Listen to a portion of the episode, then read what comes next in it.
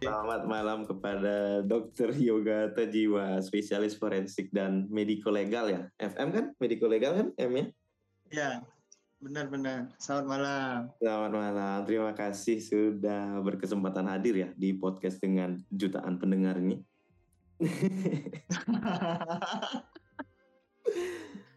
Aduh. Gimana kabarnya dok? Baik ya, baik Ah, semuanya. Sama-sama. Makasih juga udah diundang dari Iya. dulu banget nih. Dari zaman PPDS mau Mau, mau buat podcast nggak gitu. jadi-jadi. mau bareng buat podcast. Ya kan aku belajar juga mau BPDS biar bisa masuk. Nggak buat, nggak buat. Udah, udah ada satu tahun kayaknya nggak ada buat ini. Oh. Bisa baru. Iya, sama dulu dah PPDS juga Chan. Makasih, makasih. Eh, ini nih eh, untuk teman-teman yang baru gabung ya, ini kita kedatangan tamu merupakan sejawat satu angkatan, eh, dokter satu angkatan tahun 2010, eh, yang baru aja nih namat, menamatkan studi spesialis forensik dan mediko legal di Universitas Indonesia ya, yaitu Dokter Yoga Tojiwa, is spesialis forensik dan mediko legal. Ini Dokter Yoga Tojiwa punya riwayat menyelesaikan program studi dokter umumnya di Universitas Udayana ya tahun 2016 kan? Ya iyalah. Hmm, Ya. eh, ya kan bisa aja kita saat beda universitas. Oh iya. Ya tadi bilang seangkatan dong. kan seangkatan tahunnya, siapa tahu universitasnya Oh, Oke oke. Ya masuk akal juga sih ya. intensif satu tahun, terus langsung lanjut ya apa magang dulu ya? Langsung lanjut kan habis internship?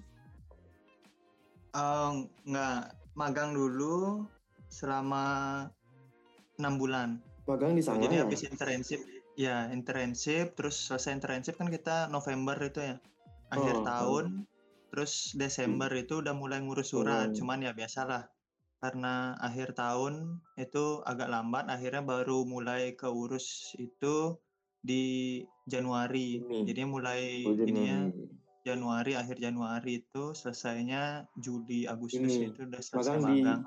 magang di Sangla berarti ya? di RSUP Prof Murah udah nggak ada rumah Oh, sakit iya, khusus betul. Sanglah soalnya ya. Ah. Ya, mohon maaf ini dok. Oh Lu, iya, nggak, saya iya, bener. mengingatkan ini. Iya Ya. iya iya. Eh, tapi kan waktu itu namanya masih Sangla, RSUP Sangla. Ya, benar. Sekarang RSUP Prof Murah. Ya benar. Lanjutkan eh, studi forensik di UI selesai tahun 2022 ya. Berarti baru ya? Ya, ma- Oh, ini- ah, baru selesai itu eh, Maret selesai, boardnya Juli itu baru Hmm. selesai ini karena di UI wisudanya cuma ada dua kali setahun, itu jadinya ikut yang wisuda ini. Itu. Nah sekarang ini kita mau ngobrol santai aja ya. Eh, kesempatan ini kita mau bahas nih tentang secara general aja ilmu ilmu forensik itu. Jadi harapannya eh, ini pendengar termasuk yang awam dan teman sejawat dokter lainnya eh, mengerti secara umum sebenarnya ilmu forensik itu seperti apa, seperti tugasnya, fungsinya, eh, kemudian kemitraan dengan ya para penegak, penegak hukum itu karena kita tahu kan oh, biasanya teman-teman dari Bali ya aku nggak ngerti juga kok pada nggak ada yang minat ya? Forensik kan? Bener kan? Ya emang sedikit forensik emang sedikit peminatnya dari dulu sampai sekarang itu karena masih secara awam itu masih melihat bahwa forensik itu tugasnya untuk jenazah aja gitu. Padahal sebenarnya forensik itu luas gitu sangat Luas, luas, ya? itu mm, sangat luas dari semua segi ilmu kedokteran lah. Itu yang Hmm. kita uh, yang kita pelajarin itu tujuannya untuk bukan medisnya tapi untuk hu- uh, hukumnya tujuan hukum itu. Jadi oh iya bantu eh, bisa hukum juga ya berarti. Nah ini kan kita harapannya tuh biar mereka ngerti. Jadi teman-teman dokter juga terutama punya insight baru dia pandangan baru oh ternyata forensik itu nggak nggak sesempit ini jadi siapa tahu mau melanjutkan karena kan aduh banyak sekali Ya, benar. belum, belum punya forensik loh di Bali terus nggak ada yang mau Ya, lagi ban ya yang RSUD yang udah ada itu RSUD Singaraja sudah ada Oh, udah ada ya? spesialis forensiknya sudah sudah ada senior saya itu Oh, di senior. UI juga. Gitu. Badung kan mau punya si dokter Airin ya? Ya Badung juga udah junior Airin yang di sana gitu. Tahun Jadi depan ya Airin, tamatnya? Kapan ya tamat? Airin tahun depan. Semoga sih bisa nyelesain Hmm. eh, setengah lah setidaknya tesisnya sampai usulan proposal nanti hasilnya maju di awal tahun depan gitu. Oh ya semoga, Semoga sih lancar, ya. lancar. Ha-ha. Nah ini kan lancar. biar teman-teman juga tertarik ya jadi eh, spesialis forensik. Nah ini kan aku nggak ngerti hukum ya sama sekali. Jadi kalau ada pertanyaan-pertanyaan yang kurang lengkap atau nggak cocok nanti diperbaiki aja ya. Iya, santai aja. Kita kan ngobrol-ngobrol santai aja kan. Kita mulai nih ya dari yang paling dasar banget. Sebenarnya ilmu forensik itu eh, yang dimaksud ilmu forensik itu apa sih? Ya kalau ilmu kedokteran forensik itu kan lengkapnya ada ilmu kedokteran forensik dan studi mediko-legal. Itu jadinya pemanfaatan ilmu kedokteran itu untuk kepentingan hukum. Jadinya kita menjembatani itu dari medis, dari bidang kedokteran itu Hmm. ke bidang hukum gitu. Dan mediko-legal itu apa? Nah, mediko-legal itu adalah tindakan medis itu yang tujuannya bukan untuk medis yang tadi Oh kayak gimana Kita tuh? bilang Medis yang itu medis? tujuannya untuk hukum gitu. Oh, jadi eh, sebenarnya eh, tujuan untuk hukum yang disebut itu kayak gimana tuh contohnya? Ya, gimana? contohnya yang dasar aja yang paling sering semua teman-teman sejawat itu ataupun tenaga kesehatan yang lainnya Hmm. itu yang secara umum itu mengerjakan adalah mencatat apa yang dikerjakan itu di dalam status rekam medis pasien itu adalah tindakan sebenarnya kan Hmm. kita tindakannya apa tindakannya menulis mencatat apa yang kita kerjakan apa yang kita lakukan apa yang kita dapatkan dari hasil pemeriksaan Hmm. nah itu sebenarnya adalah tindakan yang bertujuan nantinya Hmm. apabila memang diperlukan oleh hukum misalnya contoh oh ada gini ada pemeriksaan gitu diminta Hmm. oleh polisi itu Hmm. untuk mengeluarkan ininya hasil pemeriksaan nah kita bisa mendapatkannya dari hasil catatan yang kita catat di rekam medis tersebut gitu jadinya tindakannya apa bisa apa pun itu Apa aja ya? gitu. salah satu ya bisa apa saja tapi salah satu contohnya itu adalah mencatat di rekam medis itu Artinya khusus rekam medisnya itu khusus hu- eh, pemeriksaan ke pasien aja ya, bukan ke sekitar pasien juga nggak sih? Eh, untuk ke sekitar pasien Olah itu biasanya TKP gitu. Gimana? eh, biasanya tindakannya kan bukan medis itu tindakannya kayak misalnya olah TKP itu tim dari forensik juga biasanya mendampingi itu Ah, yang kita catat juga nanti apa saja yang kita temukan bagaimana kondisi dari TKP-nya terus sudah sudah itu kita ambil apa saja sampel-sampelnya gitu semuanya yang kita catat gitu jadinya apa sih medico legal ya? Itu balik lagi semua tindakan medis tapi yang nantinya bertujuan itu untuk kepentingan hukum. Itu bisa apa saja gitu. Tapi Nah, yang paling sederhana itu mencatat tindakan di rekam medis gitu. Baik tindakan hasil pemeriksaan dan lain sebagainya. Sehingga nanti kita bisa eh, menerangkan itu dengan menggunakan bahasa awam ke pihak hukum itu baik biasanya yang paling sederhana itu yang biasanya langsung berhubungan adalah penyidik gitu. terus kemudian jaksa dan yang terakhir hakim hmm. Gitu. apakah nanti keluarga bisa ya bisa langsung meminta tapi bentuknya bukan da- eh, hukum gitu tapi bentuknya itu adalah keterangan, Keterangan, medis keterangan surat medis ya keterangan berarti. medis ya. Gitu. Berarti sering jadi spesialis forensik itu akan sering ke pengadilan ya? Ya bisa kalau misalnya ada dipanggil oleh jaksa hakim itu bisa ke pengadilan Oh berarti nggak harus nih ke pengadilan untuk me- me- menerangkan sebagai biasanya apa saksi ahli ya jadinya saksi ya? ahli ya kalau saksi ahli biasanya manggil jaksa sama hakim seperti itu bisa Nah, hakimnya yang kapan- meminta Heeh. Kapan tuh diperlukan biasanya? Kalau artinya kan nggak nanti selalu yang kan? meminta gimana Oh kasus sulit biasanya ya? Enggak juga, bisa Oh, iya. kasus yang ringan-ringan juga bisa, misalnya kayak aniaya gitu, aniaya bisa juga. Oh iya iya iya. Nah terus dari dokter Toji sendiri nih dari semuanya itu, kenapa memilih nih jadi spesialis forensik nih? Apakah ada latar belakang eh, jenderal di belakangnya? nggak ada jenderal, nggak ada. Nggak ada. Kalau kenapa pingin forensik itu awalnya sebenarnya eh, dari pas semester 2 preklinik jadinya pas masih awal-awal terus 2011 awal jadinya pas semester 2 masuk ke dokteran itu kan kita dapat Ada ya? blok Terus eh, itu ya? profesionalism Oh profesional yang buat ini, buat ES itu ya, bukan? Bukan ES kita semester 3 kayaknya 357 ya ES. Profesionalism, oke. Terus? profesionalism itu kan diajarin sama pas itu dokter Alit sama dokter Dudut Oh iya. iya. Nah, dari situ ya nggak tahu juga beliau-beliau ini spesialis apa itu nggak tahu.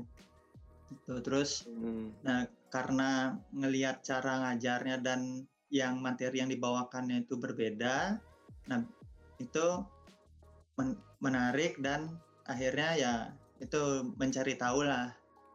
Oh beliau spesialis tahu, apa? oh, ini spesialis apa sih? Heeh, spesialis apa? Terus kemudian baru mulai tanya-tanya dan sempat juga di eh, pertanyakan juga kenapa kok mau forensik gitu benar nggak yakin gitu nah kan soalnya nggak tahu apa ya masih gini preklinik nah Hmm. terus kemudian pas klinik masuk koas Hmm. nah itu pas di forensik stase forensik itu eh, makin ini makin menyukai gitu. Benar bukan sekedar oh suka-suka aja gitu. aja ya. tapi benar benar benar menjiwai lah maksudnya cocok nih kayaknya. Itu Hmm. terus kemudian ditambah pas internship itu ikut dengan juga bantu-bantu dengan dokter Ridho Bagus Halid di RSUD Karangasem. Karena beliau kan eh, konsulat yang di sananya konsultan mediko legal yang di RSUD Karangasem beliau buat-buat visum untuk di RSUD itu Oh gitu. Hah? ya itu akhirnya makinlah ini oh seperti ini kalau misalnya menjadi konsultan di RSUD itu seperti ini cara menjawabnya terus Hmm. seperti ini cara membuatkan visumnya itu jadinya makin mendalami lah kegiatan sehari-hari kalau jadi spesialis forensik itu kayak gimana itu. Terus Hmm. pas akhirnya mau magang itu ya makin ditanyakan nanti di mana mau kerja apa dan lain sebagainya ya. Karena Hmm. dilihat juga mungkin juga menjadi alasan beberapa teman-teman yang ingin masuk spesialis tapi akhirnya mundur itu mungkin bilangnya nanti waduh kok nggak praktek? Nanti uangnya dari mana? apa dan lain sebagainya itu Hmm. juga menjadi pertanyaan gitu oleh keluarga terutama keluarga besar karena melihat dokter itu kan kesehariannya pagi di rumah sakit sorenya Ya. praktek itu kan ya kita ngerti lah ya kalau kan mereka masih ya mikirnya gitu ya terutama Masih orang awam lah. kita ya ya masih awam itu Hmm.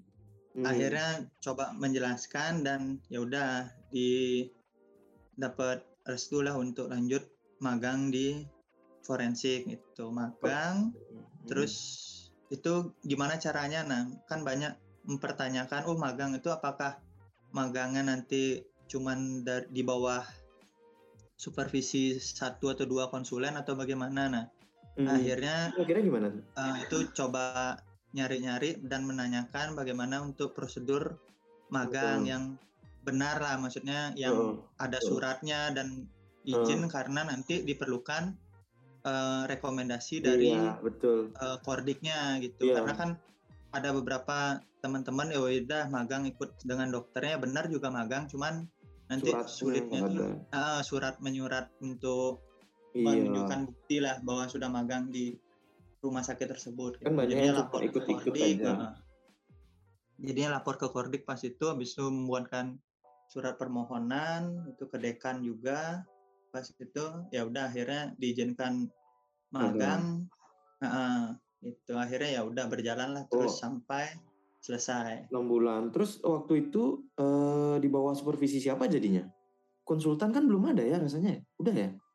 Di pro, Eh, semuanya, murah. semua semua gini konsulen yang di RSUP Sanglah waktu itu masih namanya ya semuanya diikuti karena kan memang udah ada surat izin untuk dokter Oh. magang dari diklat gitu. Oh gantian jadinya nggak di bawah satu orang aja. Nggak mengikuti DPJP jadwal DPJP mengikuti. Jadinya misalnya minggu ini dengan dokter Dudut atau minggu depan ganti dengan dokter Kunti itu Oh, gitu. misalnya dua minggu lagi dengan dokter Hengki gitu jadinya terus mutar lah Oh iya.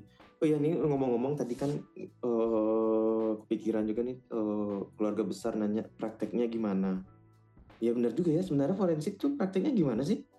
Kan nggak mungkin ada poli dan lain-lain ya. Nah untuk Itu teman-teman sejawat siapa tahu eh, mau nanya juga nih. ya untuk prakteknya itu sih sebenarnya bukan seperti dokter-dokter yang pada umumnya misalnya Umum. di Uh-uh. poli gitu bukan nunggu Heeh, heeh. nunggu ada pasien kontrol atau dan lain sebagainya bukan kita eh, dikonsulkan gitu biasanya misal Hmm. contoh dari RSUD gitu ada teman sejawat yang dipanggil atau ditanyakan untuk membuat visum Hmm. terus kemudian yang kedua itu nanti misalnya ada yang dipanggil untuk BAP gitu beri- berita acara pemeriksaan Hmm. itu nah itu kita dikonsulkan nanti kita bantu untuk menjawab seperti itu nah pra- untuk praktek sehari harinya gimana nah praktek sehari harinya itu kita bukan berpraktek eh, Hmm. seperti itu ya. ah, seperti itu bukan tapi kita ya menunggu kasus Konsulan berarti ya seperti itu ah. atau kasus apa Menunggu gitu. ya misalnya ada bantuan. kasus datang Heeh, dengan visum gitu kita ini ya jaga biasa kayak jaga IGD aja gitu Berarti kan eh, walaupun tidak dengan konsulan, maksudnya kalau ada kalau kita koas dulu kan ada kasus misalnya meninggal gitu, Mr. X siapa perlu di di di otopsi di sana berarti ya ininya ya istilahnya kesejahteraannya ya ya biaya kesejahteraannya ya. ya untuk kesejahteraannya tuh lebih sebenarnya kalau misalnya yang kasus-kasus eh, meninggal itu se- sebenarnya sih lebih gini lebih sedikit lah gininya eh, Oh, gitu. duitnya gitu Ah, lebih sedikit duitnya malah kalau misalnya kita ada konsul untuk menjawab gini menjawab kasus-kasus mediko legal itu misalnya ada. Dugaan nih malpraktek atau dugaan adanya gini pelecehan seksual oleh dokter gitu misalnya Mm. atau oleh teman tenaga medis lainnya Hmm. gitu nah kita akan bantu untuk menjawab gitu. Oh bukannya gitu. kita nanti akan membela gitu kan banyak yang Nah itu dia. eh, masyarakat atau yang lainnya itu menyatakan oh dokter pastilah akan membela sejawatnya gitu nah kita Heeh. nggak bisa seperti itu kita tetap imparsial itu kita tidak mendukung baik korban ataupun uh, pelaku gitu baik dalam Hmm. kasus apa pun itu Iya, mau gitu. kasusnya aniaya gitu dia Hmm. udah lapor polisi polisi menyatakan dia korban tetap kita nggak bisa Nggak bisa ya. 100% sebenarnya- langsung Hmm. uh, langsung kita mendukung si korban tidak kita yang kita dukung itu hukum gitu makanya di awal visum itu kan tulisannya pro justisia gitu yang kita pro Oh, itu iya. adalah hukum gitu Sebenarnya itu sih pertanyaan eh, gini ya. Oh, sebenarnya ikut nggak sih kita dalam memutuskan pelakunya siapa atau sebuah kasus tuh ternyata enggak ya. Kita ngasih ngasih catatan yang kita Nah, temukan aja gitu ya.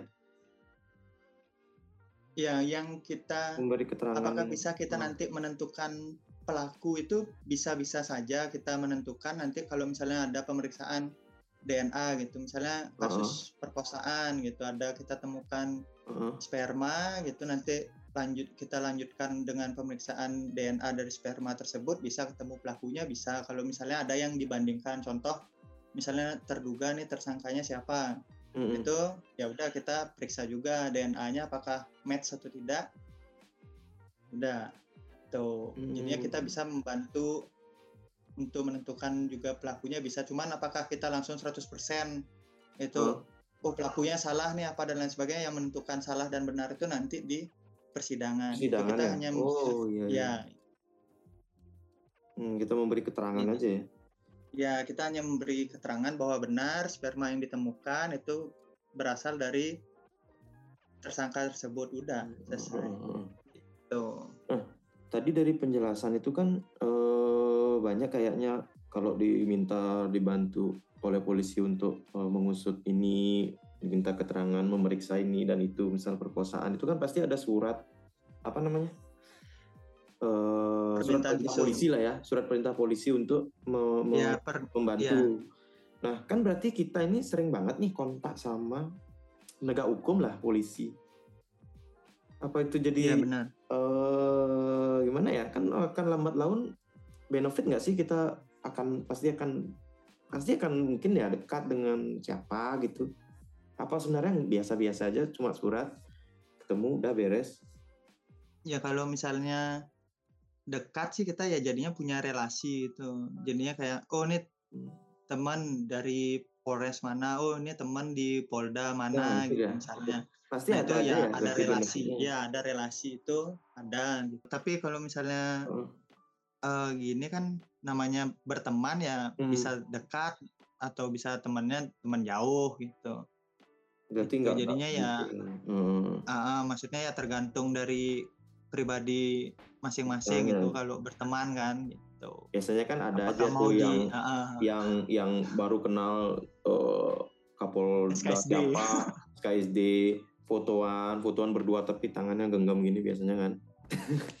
Terus digantung di digantung di rumahnya kan, di ruang tamunya biasanya digantung. kan.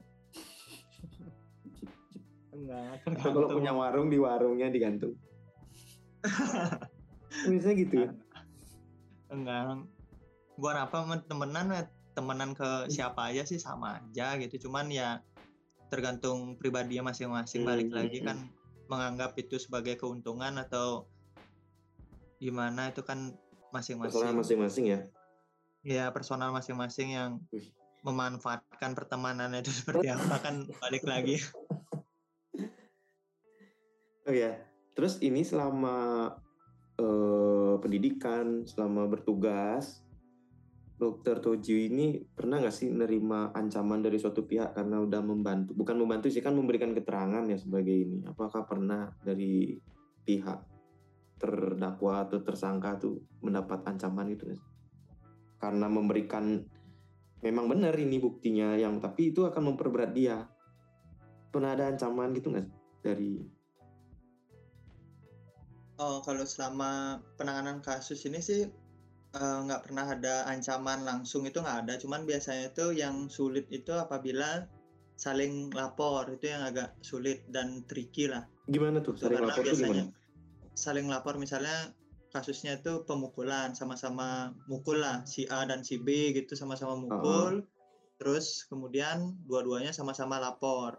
Dua-duanya minta diperiksa juga Ah. Ya, itu agak tricky itu tuh pada saat pemeriksaan itu agak tricky takutnya berantem lagi kan di rumah sakit gitu itu agak tricky Oh iya. untuk Tapi kan bagaimana kalau- penanganannya itu Kalau mereka berantem, kan otomatis artinya dua kedua belah pihak akan ada luka pasti. Ada luka. Jadi eh, kita nggak berhak memutuskan lah ya siapa yang eh, menjadi eh, yang memulai. Yang penting kan kita kasih tahu lukanya ada di sini sini sini gitu aja kan. Apa kita bisa membantu yang lain? ya kita menerangkan ya kita menerangkan sesuai dengan hasil pemeriksaan aja gitu Oh. Artinya nggak ada gini. Kalau kalau pengalaman yang tidak terlupakan selama selama ini ada nggak kasus kalau apa? gitu? pengalaman Apa apa kita mau ngomongin orang meninggal kayak orang ini kan ngobrol aja. Apa gitu yang oh, kalau kasus yang paling menarik dan gini ya yang unik ya Hmm, apa ya? Hmm, kalau pas apa nih? Pas pendidikan, pas Apa aja, koas, apa aja pas boleh. magang? Tapi kalau bisa sih pas Ya kan. pendidikan PPDS ya biar mungkin teman siapa tahu ada teman sejawat yang oh kayak gini Ya kalau nggak ada nggak Oh, apa-apa sih yang mana aja boleh tentang ini. Iya kalau ya kalau misalnya pas yang terakhir-terakhir itu PPDS itu yang ya agak tricky juga itu kasusnya kasus jenazah Patfor pas itu kasus penemuan kerangka di itu kerangka di apartemen oke. itu, itu agak Hmm. tricky lah karena satu kasusnya jarang itu sampai jadi kerangka biasanya udah busuk gitu aja udah ditemuin Ini di apartemennya tapi ini- bukan di hotel. nggak di apartemen jadinya dia tinggal memang Hmm. dari informasi awal penyidik itu dikatakan bahwa ini ditemukan di apartemen itu kata tetangga Hmm. penghuni apartemen di lantai tersebut itu memang ada yang tinggallah di kamar Hmm. tersebut itu memang sendiri dan memang sudah tua gitu Hmm. katanya sih informasi awalnya seperti itu Hmm. itu tapi biasanya kan kalau misalnya udah meninggal itu tiga hari itu udah Bau busuk udahlah bau gitu bloating akhirnya ya, kembung Ah, ya, gitu ya. ya udah udah bau itu pastilah lapor ke pihak apartemen itu pasti kan sudah tetangga deng- membaui Ya. ya. ya terus? pasti ada lah gitu bau-bau yang nggak enak gitu bau busuk itu akhirnya ditemukan gitu tapi ini udah sampai kerangka Kerangka. itu oke. baru ditemukan gitu Ternyata itu adalah kasus yang seperti apa? Memang meninggal biasa aja atau gimana? ya Pembunuhan? memang meninggal karena sakit Oh. gitu Tapi kenapa Memang bisa tidak nggak ada- yang lapor sebelah sebelahnya tetangganya? ya ya itu itu yang jadi Misteri ya? unik itu uh, yang jadi unik itu di situ sampai segitunya kah sa- uh, gininya tidak Tidak peduli. uh, uh, uh, tidak mel- Oh. gini mengetahui lingkungan di apartemennya gitu kok ini tetangga nggak pernah keluar gitu makanya kalau misalnya teman-teman lagi pendidikan gitu misalnya kayak lu nih Chan. Itu lagi pendidikan di luar gitu. Misalnya ya punyalah ada temen gitu temen satu gitu yang satu satu jurusan boleh atau yang dari Bali juga itu Hmm. saling kontak lah saling ngecek supaya misalnya nggak Iya, ditemuin iya. dua hari gitu udah ketahuan jangan sampai tulang belulang lah. gitu Oh, ternyata itu setelah pemeriksaan kan forensik bisa tuh menentukan eh, eh, kira-kira meninggalnya udah berapa lama tuh. Kalau udah berkerangka tuh kira-kira udah berapa lama tuh? Sebulan ya? Dua bulan? Enggak, kalau kerangka itu di eh, gini di udara kan dia jadinya nggak dikubur, dia nggak di gini ya Oh. kena udara aja itu. Pada saat itu kita perkirakan itu udah satu sampai dua tahunan itu. Buset! Dua tahun berarti baru bisa jadi kerangka ya? Kalau dia dengan udara tidak dikubur. Iya, itu. Kalau kalau dikubur makin lama lagi, Itu udah baru berapa, benar-benar gan- gitu. berapa kali ganti tetangga itu? Itu, itu makanya Oh, unik. Tapi kita nggak nggak bisa, ah, tapi kita juga nggak bisa menentukan apakah memang matinya dia Iya, iya, iya. iya. ini apa namanya alamiah atau gimana. Tapi kita menduga itu lebih ke arah kematian alami gitu, Hmm, karena hmm, kita sudah nggak bisa menentukan lagi kekerasan-kekerasan yang ada di permukaan tubuhnya karena memang sudah tidak ada tubuhnya, cuma ada kerangkanya. Tinggal kerangka Cuman ya. dari kerangkanya tersebut memang sudah tidak ada perlukaan yang lainnya gitu Iya, iya, sehingga uh, tanda-tanda kekerasan yang di tulang belulang tersebut itu tidak ada. Kita Mm-mm. menyampaikannya seperti itu. Maggots tuh juga udah nggak ada ya apa apa namanya eh, Oh, belatung. belatung tuh juga nggak ada ya udah lama. Iya. Oke dah terakhir nih untuk sejawat-sejawat kita yang sangat tercinta ini apalagi orang Bali nih ya yang belum kepikiran sama sekali mau melanjutkan ke forensik ada pesan-pesan khusus nggak supaya mungkin Oh. yang masih bingung mau spesialis apa ya tapi biasanya kan forensik no- kayak list nomor terakhir gitu Iya, Ada benar. benar. tersendiri nggak biar siapa tahu jadi nomor satu Ya, kalau misalnya eh, pesannya supaya lebih tertarik ke forensik itu ya seharusnya kalau misalnya milih ini PPDS atau mau jadi spesialis apa itu harus dari yang mana sih yang menjiwai benar-benar cocok hmm. lah dengan nantinya kan kita bawa untuk sehari-hari itu. Itu jadinya yang mana yang cocok buat kita itu yang kita kejar. Itu itu kita kejar apabila memang uh, uh, ya cocok dulu ada tertarik lah. Itu jangan kebanyakan kan yang junior junior uh, yang di UI itu hmm. yang terakhir itu kebanyakan dia akhirnya milih forensik itu karena disuruh oleh dinasnya. Misalnya dia oh. udah PNS atau gimana gitu. Itu dia tidak ada ketertarikan gitu ya nantinya itu akan hmm. susah untuk beradaptasi. Kalau misalnya udah tertarik itu pasti apa pun itu pasti akan dikejar lah diusahakan gitu. Yeah, jadinya yeah.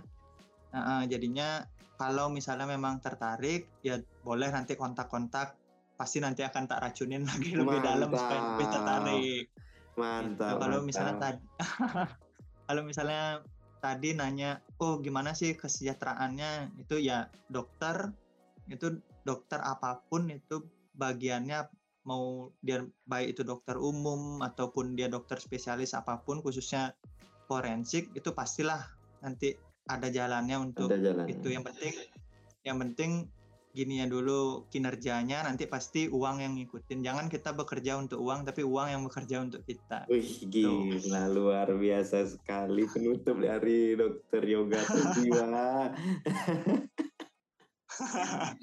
siap siap. Semoga lancar ya. Semoga iya setungkara mohon sesuai dengan doanya ini siap. Nanti kita ketemu ya, lagi ya. Kita kumpul-kumpul. Terima kasih ya. untuk kesempatannya.